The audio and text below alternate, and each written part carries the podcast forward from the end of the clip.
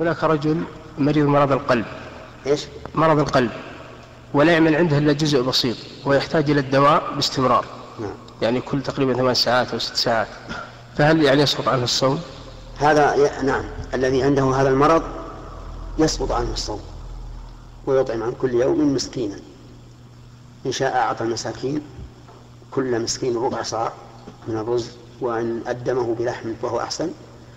وإن شاء عشاه في آخر ليلة من رمضان هنا أو غداه في يوم آخر في الفطر كان يستطيع الصيام ولكن لأجل الدواء هذا الدواء ما استطاع هذا مريض محتاج للدواء نعم